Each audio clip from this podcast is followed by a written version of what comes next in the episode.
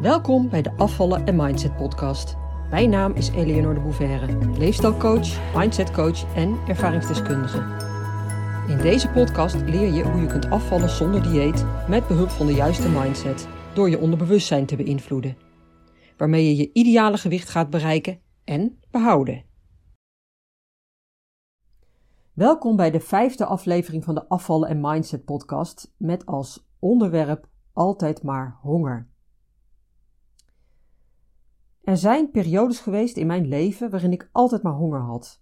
En nog even los van wat ik daar dan mee deed, dus of ik eraan toegaf of niet, of ik veel of juist heel weinig at, of dat ik dan overgewicht had of niet, wil ik het in deze aflevering hebben over dat aanhoudende hongergevoel.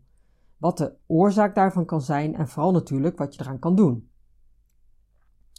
In mijn eigen situatie, zeker als ik terugga naar die beginperiode waarin ik begon met lijnen en dat echt een heel extreem ding werd, kan ik nu achteraf eigenlijk heel goed zien en begrijpen waar die altijd durende honger vandaan kwam.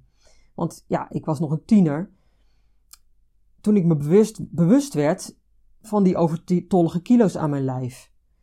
En overigens is dit iets wat bij de meeste van mijn klanten ook zo is vaak begint het gedoe in de tienertijd.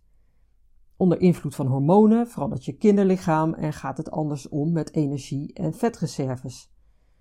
En daar word je je bewust van en daar krijg je gevoelens van schaamte en onzekerheid bij. En nou ja, die spelen gewoon een gigantisch grote rol op die leeftijd. En als je een vrouw bent, kun je het natuurlijk zien als een hele natuurlijke prachtige voorbereiding op het moederschap. Hè? Want biologisch gezien is je lichaam gemaakt om zich voor te planten.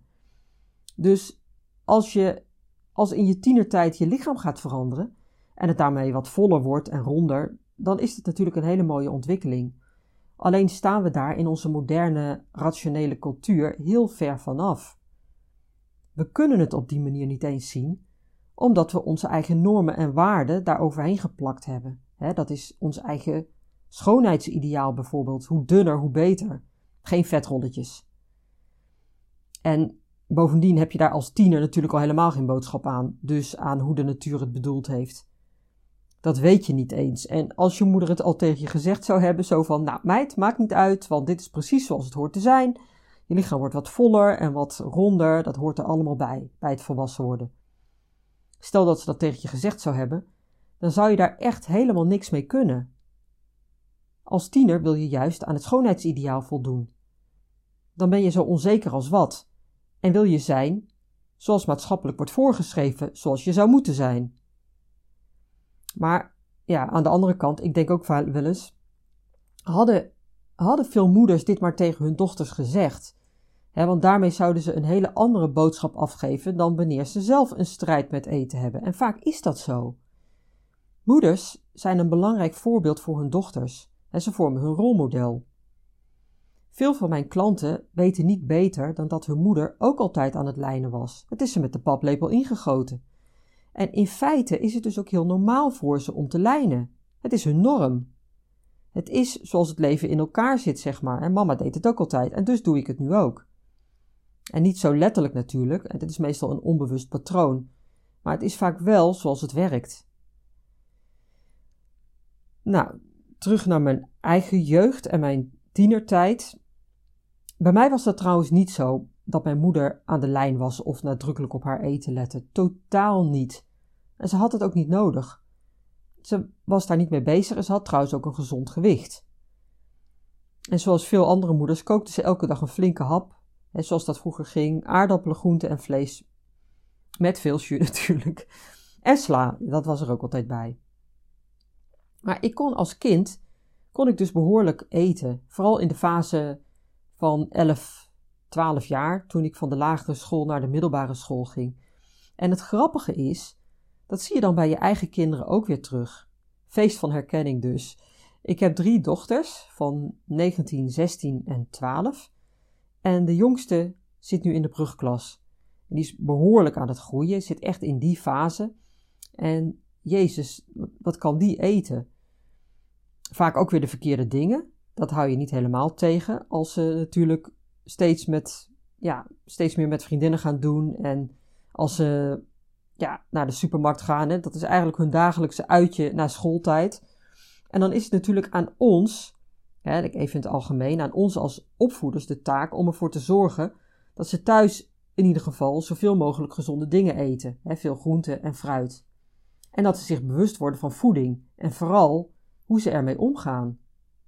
Nou, dat is best lastig, maar oké. Het, nou ja, dus het is in ieder geval belangrijk. En wellicht is het wel een onderwerp voor een andere keer om het, uh, om het daar eens over te hebben. Maar misschien kun jij van jezelf ook nog wel herinneren dat je vroeger, in die tienerleeftijd, gewoon altijd honger had. En dat is logisch, want je lichaam vroeg erom. Het was in de groei. En als ik hier in de tuin of in de buurt naar de jonge vogeltjes of eendjes kijk, dan doen die hetzelfde. Die laten zich de hele dag volproppen door papa en mama en die zijn nooit verzadigd. Maar er is natuurlijk een groot verschil tussen ons mensen en vogels of andere dieren. Die, die staan natuurlijk veel dichter bij de natuur en die luisteren naar hun lichaam. Die zijn primair gericht op overleven en gebruiken voedsel dus alleen daarvoor. Geen extra eten en al helemaal geen ongezonde dingen. Nou ja, er zijn natuurlijk uitzonderingen, tenzij mensen zich er weer mee gaan bemoeien. En denk bijvoorbeeld aan honden die vaak door mensen ook ver van hun oorspronkelijke natuur zijn gaan afstaan. Onnatuurlijk eten krijgen voorgeschoteld, omdat ze bijna zo ongeveer met de pot mee eten. En dan ook nog eens van alles toegestopt krijgen. Ik krijg nu spontaan het beeld van een oud vrouwtje dat haar hondje de hele dag vertroetelt, inclusief koekjes natuurlijk.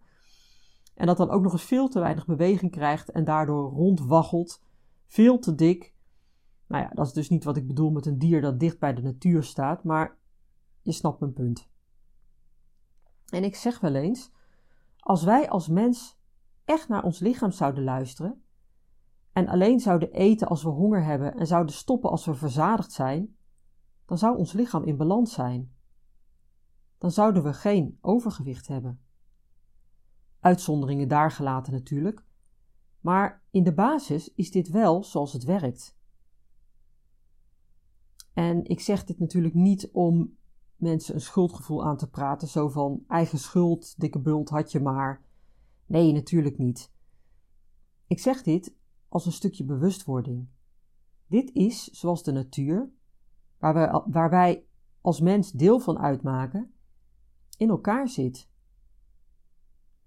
En wat die uitzonderingen betreft, je kunt nu ook gaan zeggen dat jij of iemand anders dat wel doet. Dus alleen eten als je honger hebt, of in ieder geval zeker niet te veel eten, maar dat hij of zij dan toch overgewicht heeft. En dat diegene daar niets aan kan doen, omdat er bijvoorbeeld sprake is van een verstoring in de hormoonbalans. Of dat het door de prednison of andere chemische rommel komt, medicijnen die nodig zijn voor een bepaalde aandoening, het kan natuurlijk van alles zijn. En ja, dat, dat kan natuurlijk. Alleen is die verstoring, dus die aandoening of ziekte, ook niet zomaar gekomen. Daar was een aanleiding of een oorzaak voor. Want klachten zijn een signaal van je lichaam dat er iets niet goed zit. En als daar niet naar geluisterd wordt, of het wordt alleen maar opgelost met medicatie, waarbij voorbij gegaan wordt aan de echte oorzaak, dan negeer je het oorspronkelijke signaal. Waardoor er nog meer klachten komen, nog meer aandoeningen.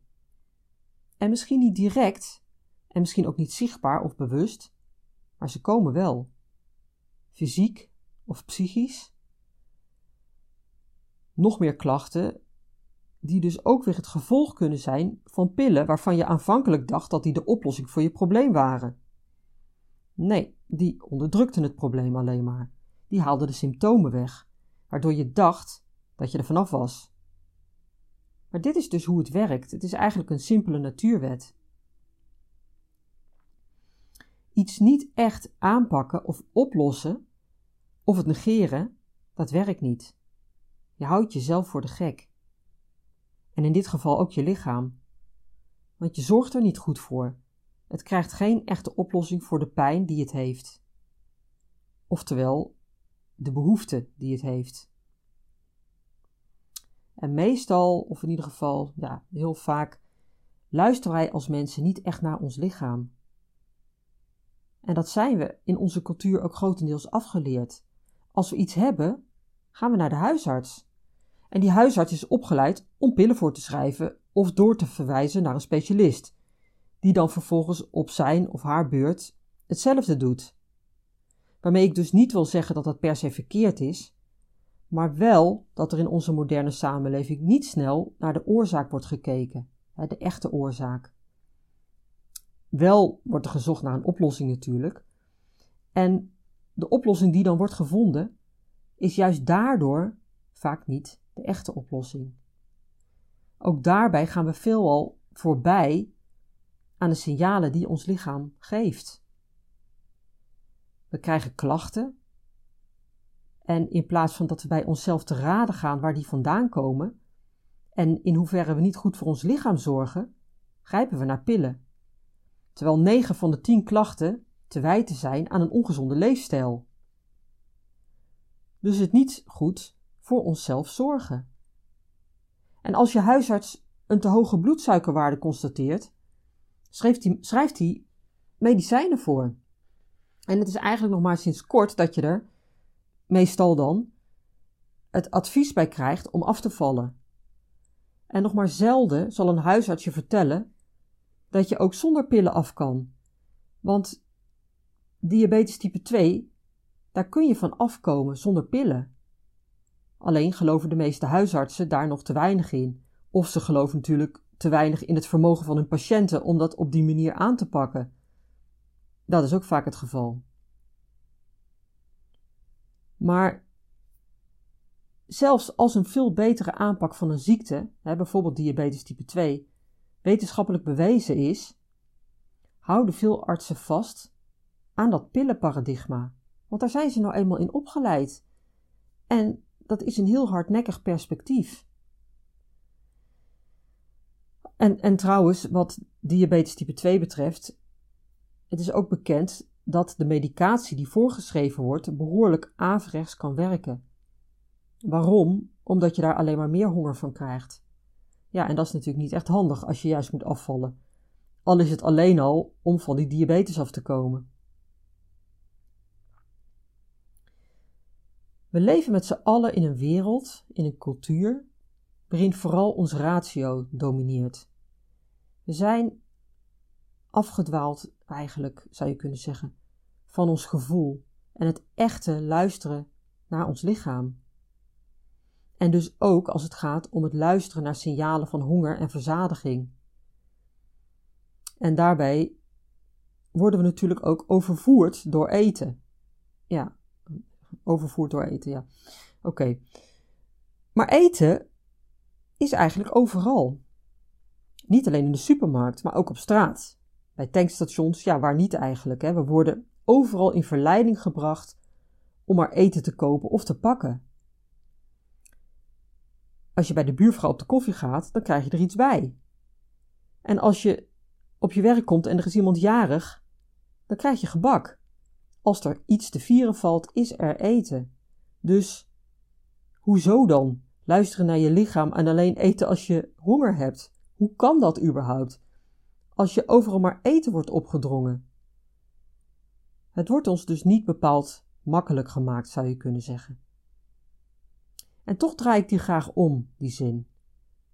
Ik zeg liever niet: het wordt je niet bepaald makkelijk gemaakt, maar je laat het jezelf niet bepaald makkelijk maken. Jij laat het jezelf niet makkelijk maken. Want er zit eigenlijk een groot verschil tussen passief ergens mee omgaan en actief. Want in het eerste geval ga je er eigenlijk niet echt zelf mee om, maar laat je de dingen gebeuren. Je bent immers passief. En je bent speelbal van de omstandigheden of van anderen, noem maar op. Maar als je ergens echt mee omgaat, dan ben je actief. Dan sta je zelf aan het stuur.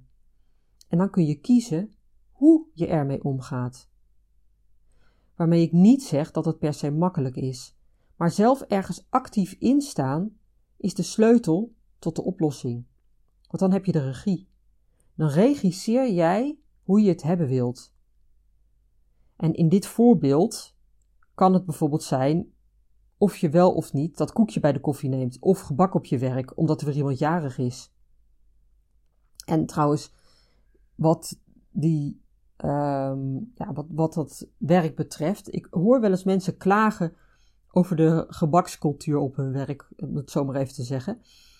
Uh, dan hebben ze het gevoel dat ze er wel aan mee moeten doen. Dat denken ze, omdat het zo hoort. En dat is natuurlijk lastig als je dat denkt. En zeker als je in een groot bedrijf werkt, want ga maar na. Elke week zijn er wel mensen jarig. En collega's verwachten het van je. En je kunt mensen toch niet afwijzen, zeggen ze dan. Maar er is natuurlijk een groot verschil tussen je collega's afwijzen of een stuk taart. En als jij denkt dat je een ander afwijst omdat je dat goed bedoelde stuk taart afslaat, houd je jezelf eigenlijk voor de gek. Of omdat je dat wil blijven geloven. Terwijl je, als je heel eerlijk bent naar jezelf en er eens goed over nadenkt, jezelf eigenlijk ook wel weet dat het flauwekul is. Want je wijst een ander niet af omdat je zijn tractatie niet hoeft.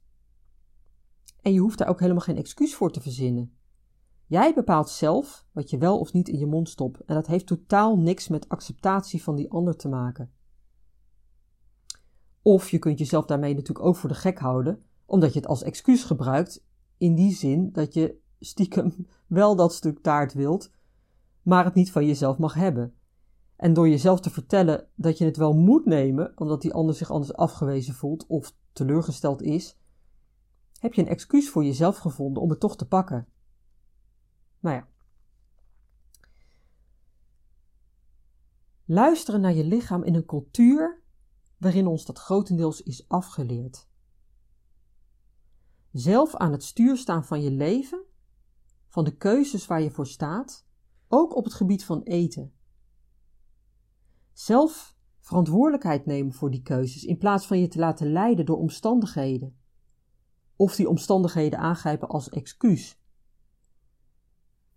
Dus de, de buurvrouw maar koekjes, hè, die maar koekjes geeft bij de koffie. En terwijl je, ja, terwijl je eigenlijk al vaker tegen haar hebt gezegd dat je ze niet hoeft.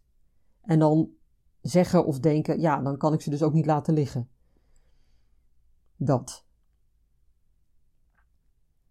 Wanneer je gaat leren om op een andere manier in het leven te staan, zelf aan het stuur, en trouw te zijn aan je eigen keuzes vanuit zelfliefde en een besef wat wel en niet goed voor je is, als je dat doet, dan zul je gaan merken dat je een enorme rust gaat vinden. Rust omdat je niet meer constant met jezelf in discussie hoeft te gaan of je wel of niet, of je iets wel of niet mag doen, hè, of, of moet doen, of dat je het juist moet laten, of wat dan ook. Dan gaat die strijd die strubbeling die eromheen hangt, die gaat er vanaf. Dan verdwijnt gaandeweg die vleem van negatieve energie, wat uiteindelijk een strijd met eten is. Steeds maar met jezelf in conclaaf over wel of niet eten, wel of niet iets mogen, wel of niet aan de verwachtingen van anderen moeten voldoen. Als je realiseert hoeveel energie je dat kost, niet normaal. Dus als je gaat leren hoe het anders kan, dan levert je dat gigantisch veel op. En niet alleen op het gebied van eten trouwens. Nou, even terug naar het onderwerp van deze podcast. Ik had het over het altijd maar honger hebben. Maar dit is een van de redenen, en eigenlijk ook de meest voorkomende, van het voortdurende knagende gevoel in je maag. Die overigens ook meestal samengaat met andere factoren, maar daar kom ik zo nog eventjes op terug wat dus zo vaak gebeurt, is dat we onszelf hebben aangeleerd om steeds en overal te eten. Zonder een vast patroon en niet alleen wanneer je lichaam erom vraagt, maar afhankelijk van omstandigheden en andere mensen. En dus staat je lichaam er ook voortdurend voor open. Het weet immers dat het altijd wel eten kan krijgen. En dat het er dus ook altijd om kan vragen. Als je eten ziet of ruikt, komt er al een licht hongergevoel op. En fysiek werkt dat ook zo. Denk maar eens aan iets wat je heel erg lekker vindt. bijvoorbeeld een stuk chocola. Je lichaam geeft daar al meteen een reactie op. Of eigenlijk bereidt het zich voor op dat stuk chocola, namelijk door je speekselklieren al in gang te zetten. Nou, je kent dat gezegde, het water loopt je al in de mond en dat is dus ook letterlijk zo. Zo werkt je lichaam. En misschien heb je wel eens van de term externe eter gehoord. En dat zal ik even toelichten. Want het komt uit een indeling die een Nederlandse psychologe eens heeft gemaakt. Die heeft daar onderzoek naar gedaan. En daar deelden ze uh, mensen, dus eters, iedereen eet natuurlijk, deelden ze in in verschillende typen. En nou moet ik erbij zeggen, ik ben absoluut niet van de hokjes. Dus deze indeling is zeker niet heel zwart-wit. En iedereen herkent waarschijnlijk wel iets van zichzelf in die verschillende categorieën. Maar die indeling die zij maakt, Ehm, die onderzoekster. En ik meen dat ze Tanja van Strien heet. Nou, mocht je het interessant vinden, dan moet je dat zelf even nazoeken. Die indeling die ze maakt, dat zijn er drie, drie categorieën. En dat is allereerst de lijngerichte eter. En een lijngerichte eter, of een lijner eigenlijk, hè, dat is iemand die um, eten indeelt in goed of fout in toegestaan of niet toegestaan. En een andere categorie, de tweede categorie, is de emotieeter of de emo-eter. En die koppelt het eten aan emoties. Dus die eet eigenlijk als hij bepaalde emoties ervaart. Hè? Dus eenzaamheid, stress, verdriet, noem maar op. Het kan natuurlijk ook blijdschap zijn. Hè? Dus als je heel blij bent, dat je daar ook eten aan koppelt. En die derde uh, categorie, dat is dan de externe eter.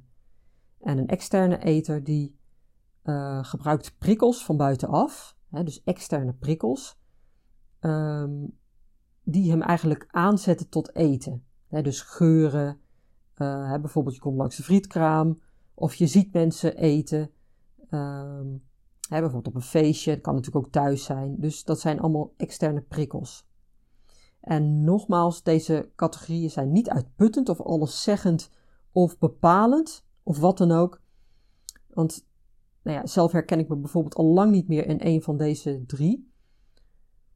Alhoewel ik moet zeggen dat ik wel eens aanga als ik andere mensen zie eten of als ik iets lekkers ruik.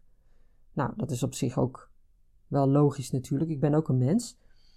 En als voorbeeldje, toen ik uh, uh, afgelopen zondagmiddag thuis kwam, had mijn jongste dochter samen met een vriendin koekjes gebakken. En die heerlijke lucht van vers gebakken koekjes, weet je wel, van die goed doorbakken koekjes, nog net niet aangebrand. Die geur, die hing in het hele huis. Ja, natuurlijk doet dat wat met me. En overigens heb ik ook een koekje gegeten, met toestemming van die twee meiden natuurlijk, die, zich, die zichzelf notabene helemaal vol hadden gevreten met die koekjes. En ook bijna niks meer aten tijdens het avondeten. En nu ik dit zo zeg, bedenk ik me, misschien wilden ze mij wel medeplichtig maken aan het feit dat zij bijna niks meer konden eten. Ja, goed, als de kat van huis is. Maar ja, soms moet je dingen natuurlijk door de vingers zien. Zeker in de wetenschap dat ze dus op die leeftijd haast altijd honger hebben. Hun lichaam vraagt erom. En dat is, ja, ze zijn gewoon nog hartstikke in de groei. Maar dat is natuurlijk wat anders dan bij jou, hè, als je al lang volwassen bent. Nou, even terug naar die categorieën. Als het type externe eter bij jou resoneert, dus dat je vooral trek krijgt en eet bij externe prikkels, dan zul je je niet herkennen in het voortdurende honger hebben. Dat is logisch. Maar als jij je herkent in die lijngerichte eter, dan is de kans juist heel groot dat je ook dat voortdurende hongergevoel herkent. En dat heeft verschillende redenen. Eén daarvan is dat je jezelf beperkingen oplegt ten aanzien van eten. dus dit mag wel en dat mag niet, dit is toegestaan, maar dan wel in een kleine hoeveelheid of een bepaalde tijd. Um, je bent jezelf dan voortdurend van alles aan het verbieden en aan het opleggen en jezelf aan het beperken. En dat werkt niet. Dat werkt averechts. Want als je een verbod opgelegd krijgt, dan wil je het juist. Dat zie je ook bij kinderen. Hè? Als je ze iets verbiedt, dan wordt het natuurlijk juist woest aantrekkelijk. En voor ons volwassenen werkt dat ook zo. En daarbij komt nog dat je primitieve brein die beperkingen niet begrijpt. Want je primitieve brein is gericht op overvloed. En die gaat bij een signaal van schaarste juist een tegenreactie geven. En dat gebeurt natuurlijk allemaal automatisch en onbewust. En wat er dan gebeurt, is dat je primitieve brein, hè, wordt ook wel je, je oerbrein of je reptiele brein genoemd, dat gaat dopamine aanmaken. Want het is gericht op overleven. Hè, dus je eerste levensbehoefte. Waaronder eten. En door dopamine aan te maken, wordt je eetlust opgewekt. Dan krijg je honger. Ja, dat is dan natuurlijk niet zo handig. Een andere reden waarom je als lijngerichte eter hongergevoelens zult herkennen, is door de fixatie op eten. Want als je ergens op gefocust bent, dan maak je het groter. Wat je aandacht geeft, groeit. Dus los van het verbod dat je jezelf oplegt, is er ook nog de aandacht die je aan het eten geeft. Je bent ermee bezig. Als jij jezelf vooral of ook herkent in het type emotionele eter, dan speelt ook nog eens dat mechanisme van het koppelen van emoties aan eten mee. dus je voelt je verdrietig en je troost jezelf met een reep chocola. Je bent gestrest en hoppa, dan schuif je weer een roze koek naar binnen. Dat verdriet of die stress zal jou dus ook een hongergevoel geven. Want die koppeling is er. Die connectie is in je hersenen gemaakt. En dan gebeurt er weer iets, je schiet in de stress en je voelt alweer die onweerstaanbare honger. En bij emo-eters ligt er overigens nog van alles onder. Want het is natuurlijk niet voor niets dat je je schuldgevoel, je boosheid, je angst of wat je dan ook ervaart, wegstopt door te gaan eten. Die emoties vermijd je. Of beter gezegd, je hebt een manier gevonden om, om, om met die moeilijke, pijnlijke emoties om te gaan, zonder ze echt aan te gaan. En het vermijden van emoties brengt een zekere leegte teweeg. Die leegte die je voelt, of dat gemis in je leven, vul je op met eten. En je zou het ook wel, um, je zou het ook symbolische honger kunnen noemen. Maar dat klopt natuurlijk ook niet helemaal, want je ervaart wel degelijk ook heel concreet die honger. Nou ja, dit is een onderwerp dat zeker nog wel eens een aparte aflevering verdient, denk ik. Juist ook omdat het zo diep gaat en zo ongrijpbaar lijkt. Het is een thema dat raakt. Want dit is vaak waar het over gaat: die strijd met eten.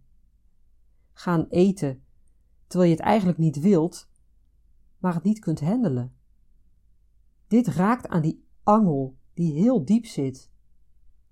En als je die laat zitten en maar aan de oppervlakte gaat lopen rommelen, ja, dan schiet je daar uiteindelijk natuurlijk niks mee op, want je pakt het probleem niet aan. Terug naar het eten, dus dat extra eten.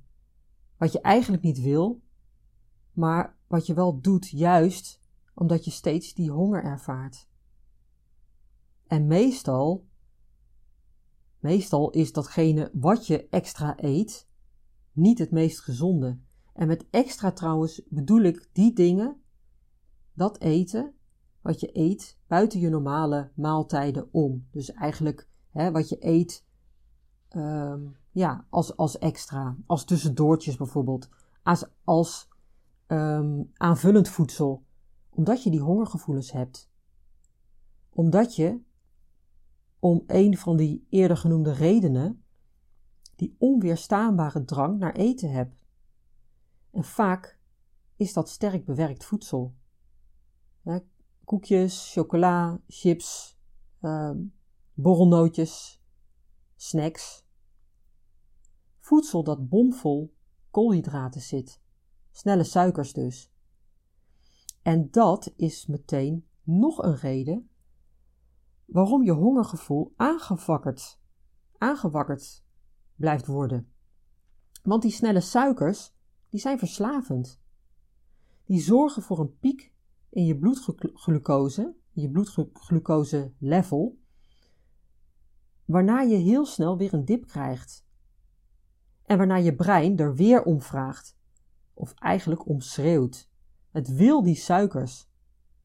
Het werkt eigenlijk precies hetzelfde als bij elke andere verslaving. Je krijgt afkikverschijnselen en je lijf vraagt er weer om. Het geeft een hongersignaal af en jij ervaart weer honger, zelfs als je maag nog gevuld is. En dit is wat er tegelijkertijd ook nog gebeurt. Je lichaam wordt niet echt gevoed, maar gevuld. En misschien heb je wel eens van de uitspraak gehoord: niet vullen, maar voeden. En je vult je lichaam als je onnatuurlijk voedsel eet, dan, dan vul je het. dus dat, dat is die sterk bewerkte voeding. Maar je voedt het niet echt. Je lichaam krijgt niet echt wat het nodig heeft. dus die echte gezonde voeding. Onbewerkt eten, dus groenten, noten, noem maar op. Dat is echt gezond voedsel. Voedsel van moeder natuur. En dat krijg je lijf niet, als je het steeds blijft vullen met rommel. Dus het blijft ook om die reden een hongersignaal afgeven. Want het wil eten, het wil echt eten. Als je dus altijd maar honger hebt, spelen er één of meerdere mechanismes die ik net genoemd heb een rol. Er spelen uh, fysieke, biochemische en mentale processen mee.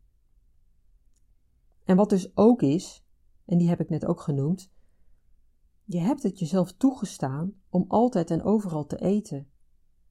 Je hebt je aangepast aan je omgeving, aan anderen, aan situaties. En stelt je wat dat betreft, stel je je passief op.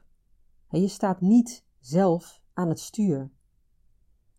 Tenzij je je, je, je hier heel bewust van bent natuurlijk en dat ook echt wilt. Dat is wat anders. Maar meestal is dat niet zo. Althans, mijn klanten, de mensen met wie ik werk, willen dit juist niet. Want ze willen afvallen. Ze willen een gezond gewicht dat bij ze past. En ze komen tot de ontdekking dat ze helemaal niet zelf aan het stuur staan van hun eigen eetgedrag. En daarmee vaak ook niet op andere vlakken, want alles hangt met elkaar samen. Maar als het om eten gaat, is het zo ontzettend belangrijk dat jij bepaalt hoe je het wilt hebben. Jij moet, of nou ja, je moet natuurlijk helemaal niks, maar jij mag voor jezelf bepalen wat je eet en wanneer. Maar als je jezelf als onbewuste regel toestaat om altijd te kunnen eten, dan geef je jezelf die, die vrijbrief om random dingen in je mond te stoppen. En heb je daar ook altijd wel een excuus voor, op die momenten dat je je er bewust van bent en het eigenlijk niet wilt.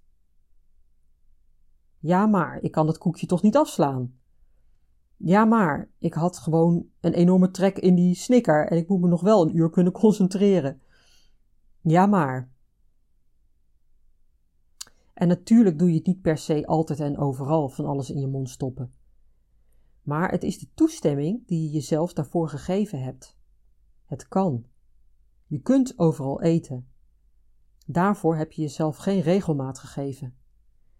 En ook niet een hele gezonde regel, tussen aanhalingstekens, als het luisteren naar je lichaam.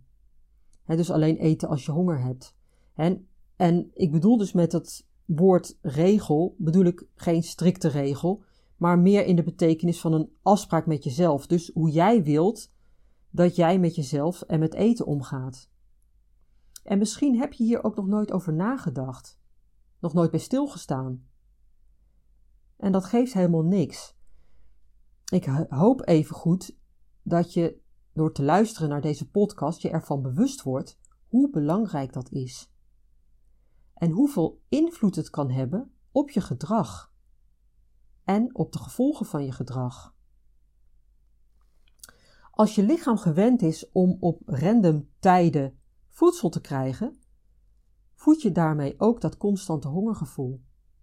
Zeker als je gevoelig bent voor snelle suikers, die gewoon fucking verslavend zijn. En als je je lichaam, meestal met een, tijdelijk met een dieet, eh, als je je lichaam beperkingen gaat opleggen, dan snapt je primitieve brein daar helemaal niks van. En die gaat in de tegenaanval. Wat dus het aller, allerbelangrijkste is, is dat jij weer aan het stuur gaat staan. Dat jij bepaalt hoe het er bij jou uitziet. Hoe je eet, wat je eet en wanneer je eet. Dat je gaat luisteren naar je lichaam. Dat je die connectie weer maakt vanuit je gevoel met je eigen lijf. Want je lijf geeft zelf aan wat het nodig heeft. En hoeveel en wanneer. Dus back to basic. Wil je hier meer over weten? Check dan mijn website afvallen zonder dieet.nu en download alvast mijn gratis e-book, waarin ik je uitleg waarom het volgen van diëten zinloos is en wat je wel kan doen. En als je mijn e-book hebt aangevraagd, kom je automatisch op mijn mailinglist en ontvang je ook regelmatig inspirerende mails, vaak in de vorm van blogs, waarin ik je nieuwe inzichten geef en soms ook confronteer en handvatten hoe je je strijd met eten kunt aanpakken, hè, hoe je wel kunt afvallen en een gezond gewicht kunt bereiken dat bij je past. En ook laat ik je weten uh, wanneer ik weer een gratis masterclass geef. Um, er staat er altijd minimaal één gepland. En die kun je ook op mijn website vinden. Daar kun je ook voor aanmelden. Um, dat vind je onder het kopje gratis. En ja, abonneer je natuurlijk vooral op deze podcast, zodat je automatisch een melding krijgt als er een nieuwe aflevering klaar staat. Dat was hem voor nu. Graag tot de volgende keer. Doeg! Leuk dat je luisterde naar de Afvallen en Mindset podcast. Ik wil je heel graag blijven inspireren. Als je je abonneert op deze podcast, ontvang je automatisch een berichtje als er een nieuwe aflevering verschijnt. Ik heb ook een gratis e-book. Dat vind je op www.afvallenzonderdieet.nu. Daar vind je trouwens ook mijn inspirerende blogs, die je automatisch in je mailbox kunt ontvangen. En tot slot, volg mij op Facebook en Instagram. Wil je meer weten over mijn programma Afvallen zonder dieet? Ga naar www.afvallenzonderdieet.nu.